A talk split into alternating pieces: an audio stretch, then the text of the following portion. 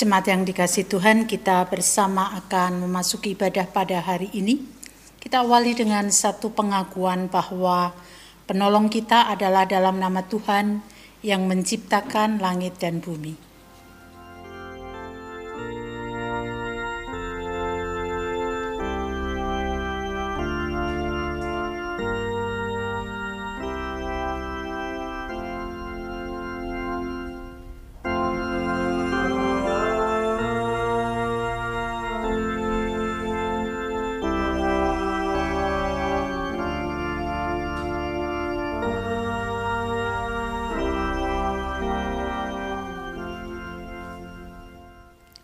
Kasih karunia dan damai sejahtera dari Allah Bapa kita dan dari Tuhan Yesus Kristus menyertai saudara sekalian.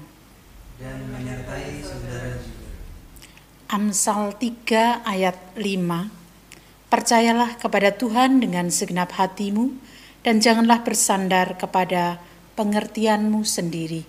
Itulah yang akan membawa kita untuk bersama-sama menghayati ibadah pada hari ini kita sambut dengan pujian dari Kidung Jemaat 4 bait 1 dan 3.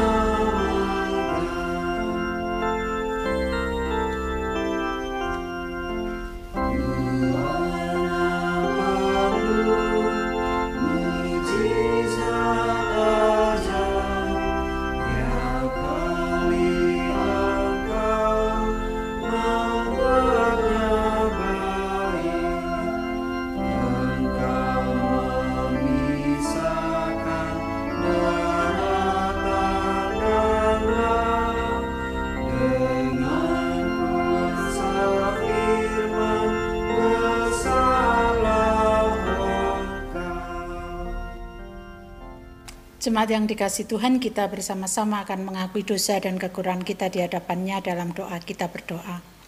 Ya Tuhan Allah sumber hidup kami, kami datang kepadamu dengan segala kerendahan hati, kami mengakui bahwa dalam hidup yang kami jalani, sering kali kami tidak melakukan apa yang menjadi kehendakmu. Ampuni kesalahan kami ya Tuhan, inilah doa kami, dalam nama Tuhan Yesus Kristus kami berdoa. Amin. Kita nyatakan pujian Kidung Jemaat 28 bait 1 dan 5, Ya Yesus tolonglah.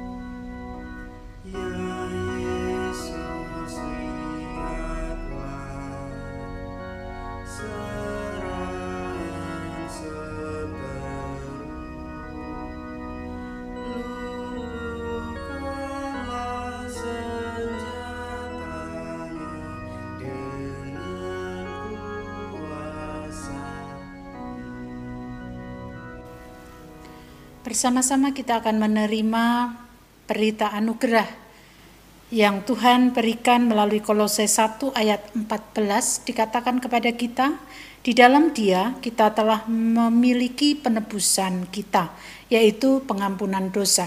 Demikianlah berita anugerah dari Tuhan. Syukur kepada Allah. Kita sambut dengan pujian dari Kidung Jemaat 364 bait 1 dan 2 berserah kepada Yesus kita pujikan dengan bangkit berdiri.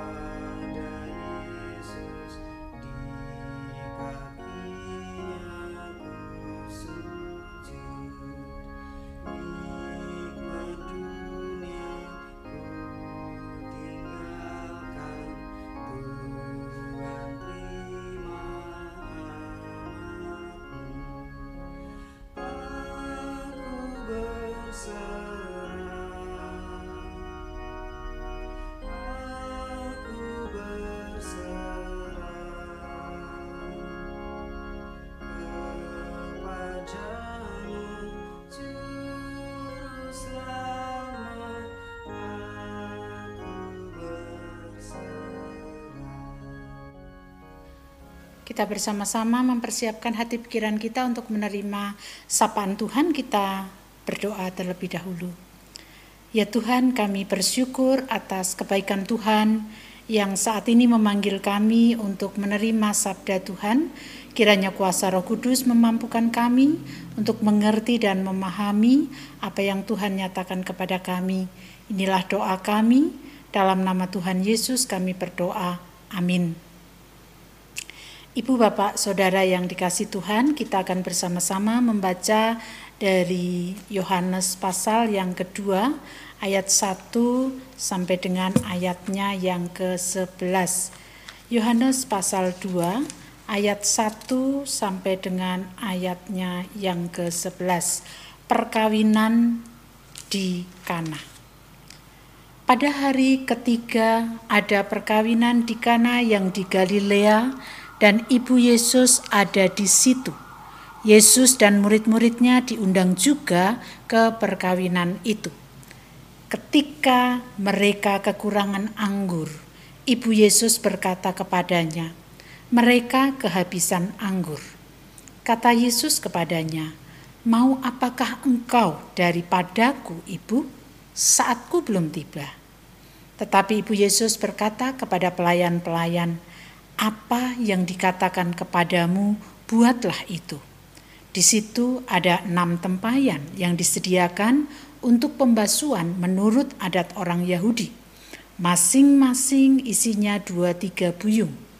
Yesus berkata kepada pelayan-pelayan itu, isilah tempayan-tempayan itu penuh dengan air. Dan mereka pun mengisinya sampai penuh.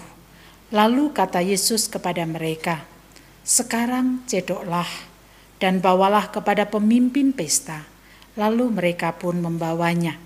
Setelah pemimpin pesta itu mengecap air yang telah menjadi anggur itu, dan ia tidak tahu dari mana datangnya, tetapi pelayan-pelayan yang mencedok air itu mengetahuinya, ia memanggil mempelai laki-laki dan berkata kepadanya, "Setiap orang menghidangkan anggur yang baik dahulu, dan sesudah orang puas minum barulah yang kurang baik. Akan tetapi engkau menyimpan anggur yang baik sampai sekarang.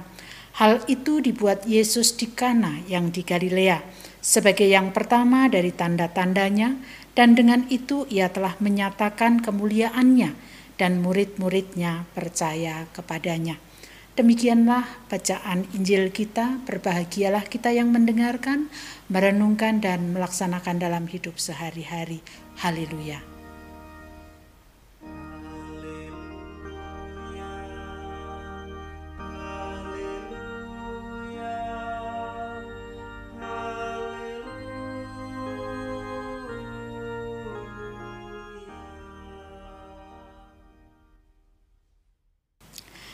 Bapak, Ibu, Saudara yang dikasih Tuhan, perjalanan kehidupan manusia saat ini tidak semakin mudah.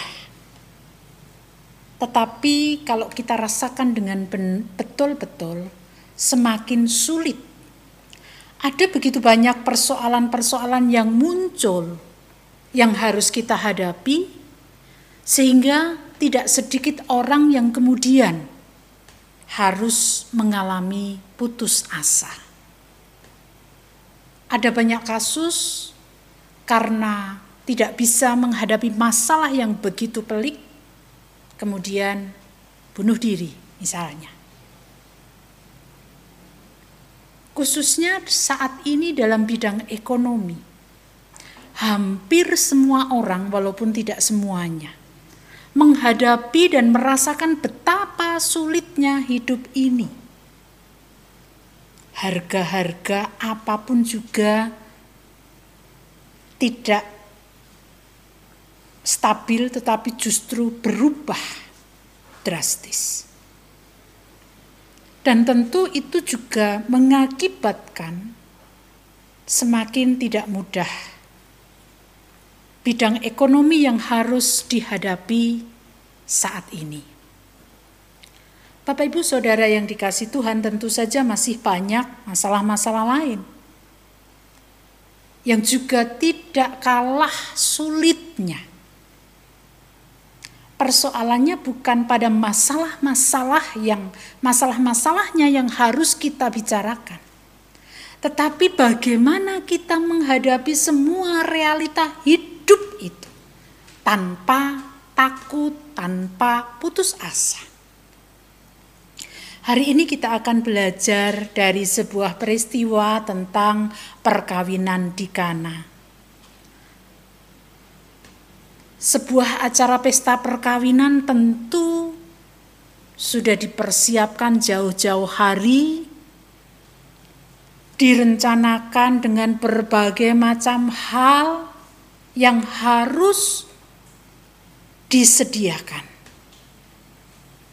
Persiapan dilakukan agar acara itu bisa berlangsung tidak mengecewakan bagi setiap orang yang datang diundang dan juga tidak mengecewakan bagi orang yang mengadakan pesta perkawinan itu.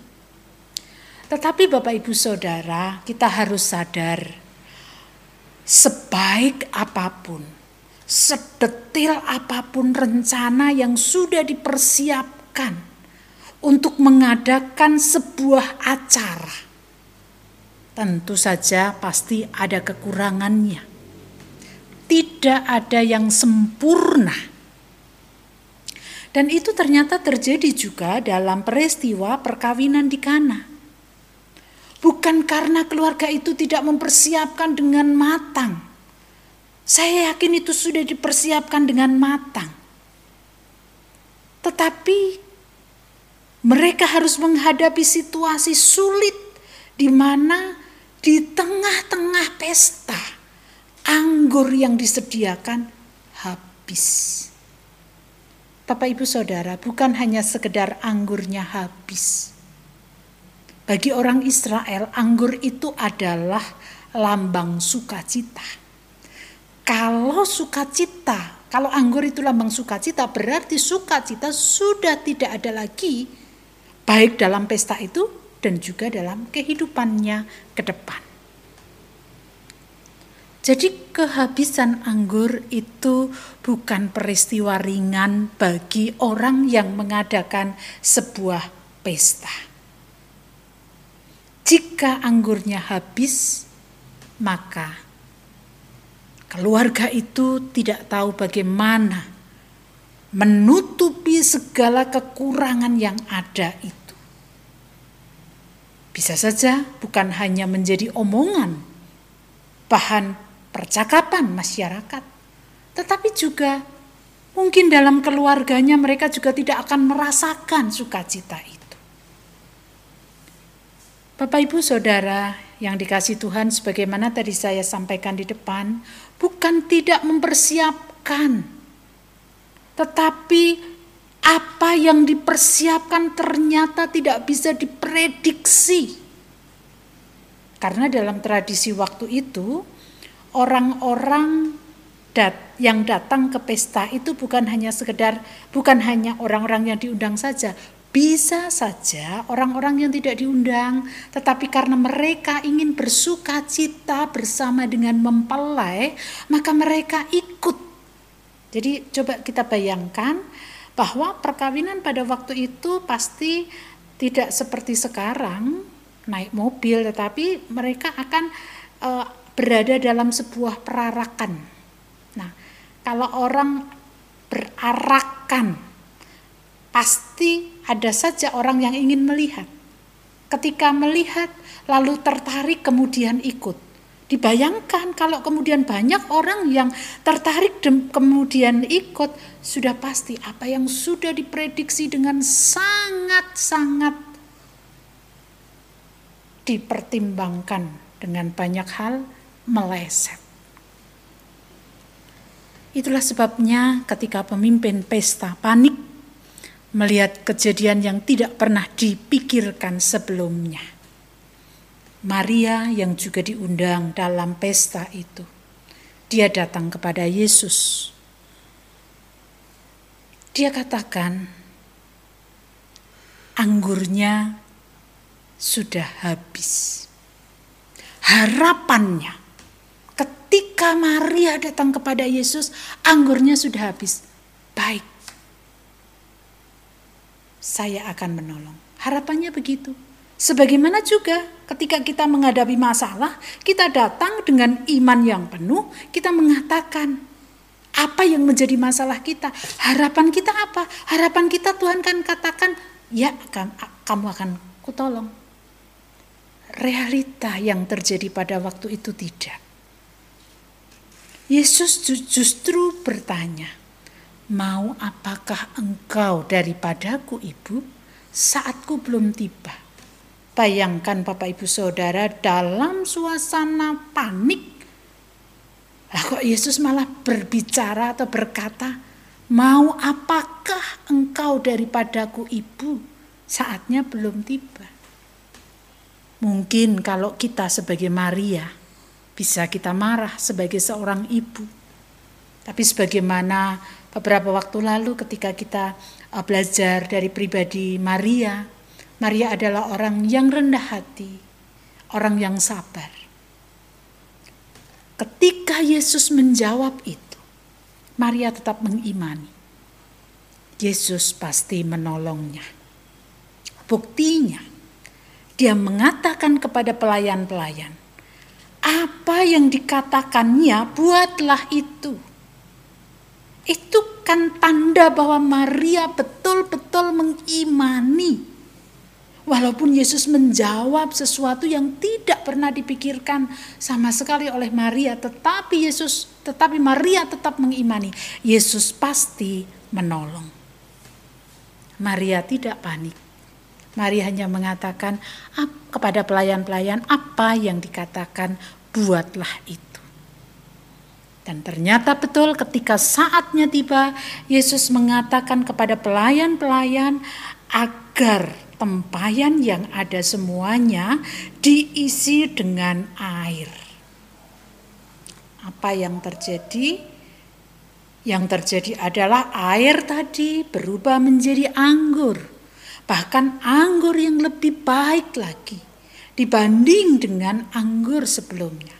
Padahal biasanya orang pesta itu anggur yang baik dulu, baru anggur yang kurang baik. Ini tidak. Mengapa? Karena anggur yang berasal dari tempayan-tempayan itu adalah sebuah karya Yesus. Anggur yang baik itu adalah sari buah anggur yang direbus sampai kemudian tinggal sepertiganya. Nah, itu dikatakan sebagai anggur yang baik.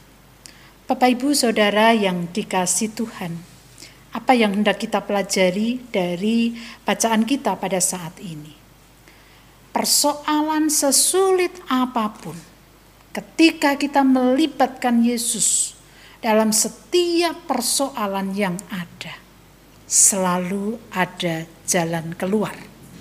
Tetapi ingat, jalan keluar yang diberikan itu tidak selalu seperti apa yang kita harapkan, tidak seperti apa yang kita inginkan, tetapi seperti apa yang Dia kehendaki. Tetapi Dia tahu persis kapan saatnya dan apa yang harus dia kerjakan. Itu sebabnya ketika kita sadar hidup kita tidak semakin mudah, hidup kita semakin sulit. Terus libatkan Yesus dalam setiap hal. Jangan pernah kita mengandalkan kemampuan kita, pengertian kita, kekuatan kita itu tidak akan menolong kita. Libatkan Yesus dalam suka maupun duka, sehingga kita tetap bisa merasakan sukacita di dalamnya. Mari kita bersama-sama untuk melibatkan Yesus di dalam setiap aspek kehidupan kita. Amin. Saat teduh bagi kita semuanya.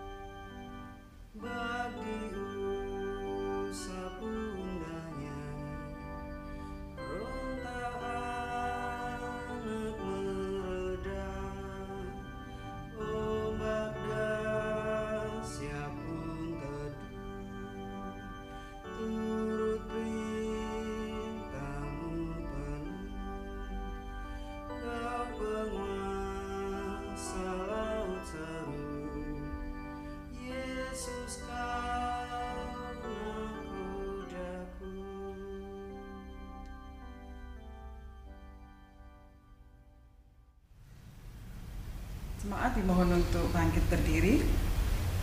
Dengan meletakkan tangan kanan di dada sebelah kiri, marilah kita mengikrarkan pengakuan iman kita bersama dengan umat Allah pada masa lalu, masa kini, dan masa depan menurut pengakuan iman rasuli.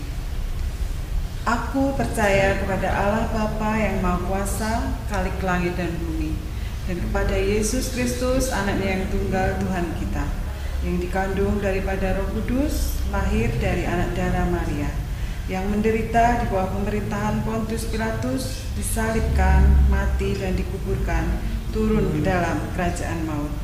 Pada hari yang ketiga, bangkit pula dari antara orang mati, naik ke surga, duduk di sebelah kanan Allah, Bapa yang Maha Kuasa, dan akan datang dari sana untuk menghakimi orang yang hidup dan yang mati.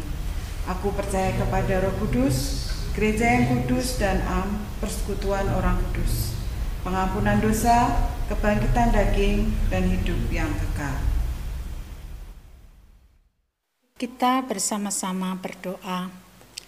Ya Tuhan, kami bersyukur kepadamu untuk kebaikan Tuhan yang mengingatkan kepada kami agar kami selalu melibatkan Engkau dalam hidup ini Tolong dan berkati kami supaya kami dapat selalu melibatkan Engkau sehingga baik dalam kesulitan, permasalahan-permasalahan yang kami hadapi, kami tetap berpegang pada Tuhan. Tuhan, kami berdoa untuk kehidupan kami sebagai bangsa dan negara. Kami membawa baik pemimpin bangsa dan negara kami dan seluruh rakyat. Berkatilah kami semuanya agar kami dapat menjadi anak-anak Tuhan yang terus mengandalkan Tuhan, tidak mengandalkan kekuatan sendiri. Dan saat ini ya Tuhan, kami juga berdoa bagi keberadaan gereja di mana pun tempatnya. Kiranya Tuhan senantiasa memelihara gereja Tuhan. Utamanya kami membawa keberadaan Jemaat Philadelphia Kiranya Tuhan senantiasa menolong kami untuk terus melaksanakan tugas panggilan kami sebagai gerejamu. Sehingga keberadaan jemaat Philadelphia meski sangat kecil tetapi kemanfaatannya bisa dirasakan oleh setiap orang yang kami jumpai. Segala hal yang hendak menjadikan keberadaan jemaatmu ini menjadi jemaat yang tercerai-berai, kiranya Tuhan singkirkan itu. Ikatlah kami dalam ikatan kasih Kristus senantiasa, supaya kami dapat menjalani kehidupan ini bersama dengan Kristus dan mewujudkan apa yang menjadi panggilan Tuhan. Kami juga berdoa untuk keluarga yang ditinggal oleh Ibu Adi Sunarto, yang satu minggu lalu Tuhan sudah memanggil beliau. Kiranya Tuhan menguatkan dan menghibur agar keluarga senantiasa diberikan sukacita, walaupun ada duka tetapi senantiasa berpegang pada Tuhan, sehingga walaupun tidak mudah jalan ini dilewati, tetapi senantiasa Tuhan menjadi kekuatan dan perlindungan bagi keluarga yang ditinggalkan. Kami juga berdoa bagi saudara-saudara kami yang sakit. Tuhan juga menguatkan iman mereka, memberikan pengharapan kepada mereka agar mereka senantiasa berpengharapan di dalam Tuhan. Bapak Mariman, Bapak Suratijo, Ibu Arista Kurniawati, Ibu Painah Teguh Tri Raharjo, dan juga saudara-saudara kami lain yang senantiasa memohon pertolongan dan kekuatan bahkan pemulihan kesehatan. Kami mohon semuanya di dalam kasih Kristus sehingga mereka senantiasa memiliki iman yang kuat di dalam Tuhan. Keluarga yang harus merawat Tuhan pun juga memberkati mereka semuanya. Anak-anak kami dalam studi mereka, berkenan Tuhan terus menopang dan menolong mereka agar mereka dapat menjalani masa studinya dengan baik. Terlebih kami juga berdoa bagi setiap pergumulan keluarga-keluarga di Jemaat Philadelphia dengan kesulitan ekonomi yang tidak mudah untuk kami hadapi. Tuhan menolong dan senantiasa memberkati kami agar kami dapat melewati hari-hari tidak mudah ini bersama dengan Tuhan. Kami berdoa untuk Febri, Tuhan berikan kesehatan, pengendalian diri, agar dalam kehidupan bersama dengan keluarganya senantiasa menyerahkan diri sepenuhnya kepada Tuhan. Demikian juga permasalahan-permasalahan lain yang harus kami hadapi, melibatkan Tuhan itulah kunci dari hidup sukacita. Oleh karena itu, ajarkan kami untuk terus melibatkan Engkau dan tidak mengikuti kekuatan dan mengandalkan kemampuan kami. Inilah seruan dan doa kami, kesempurnaannya kami serahkan di dalam nama Tuhan kami Yesus Kristus yang telah mengajarkan kepada kami doa Bapa kami.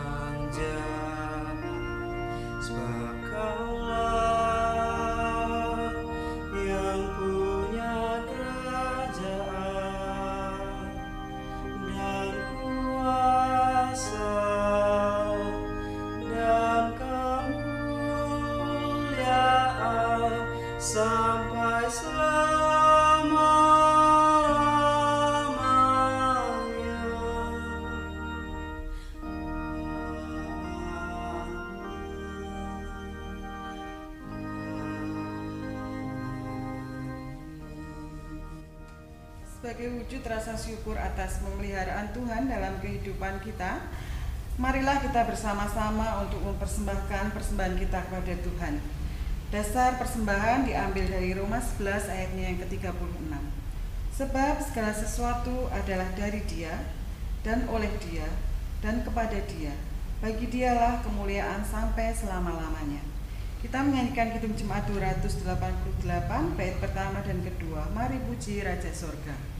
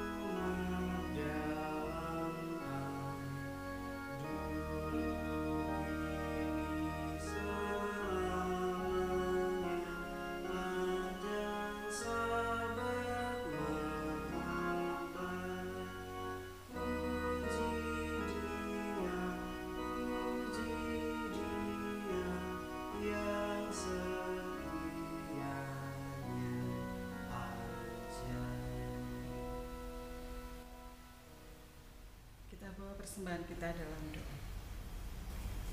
Kami datang kepadamu Tuhan, mengucap syukur atas segala pemeliharaanmu dalam kehidupan kami hari lepas hari. Kami percaya Tuhan tidak pernah meninggalkan kami.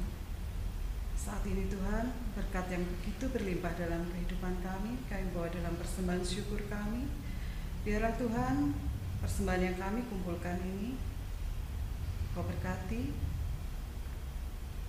Kau sucikan Tuhan dari segala dosa yang terselip ketika kami mempersembahkannya. Terima kasih Tuhan, dalam nama Tuhan Yesus kami berdoa dan mengucap syukur. Amin. Di dalam suka maupun duka, kita dipanggil untuk selalu melibatkan Tuhan dalam kehidupan ini. Dia yang menjadi penghibur, dia yang akan menuntun perjalanan hidup kita. Mari kita bersama-sama mengakhiri ibadah kita dengan bangkit berdiri menyanyikan PKJ 231 bait 1 dan 2.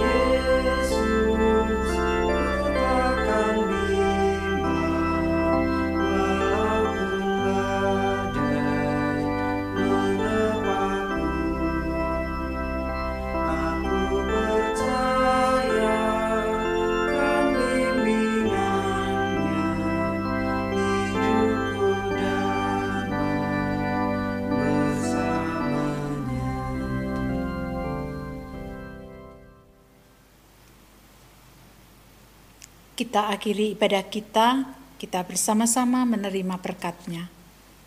Kiranya kasih karunia dan damai sejahtera yang bersumber dari Allah Bapa di dalam Tuhan Yesus Kristus serta persekutuan Roh Kudus tercurah atas kita semuanya sekarang dan sampai selama-lamanya.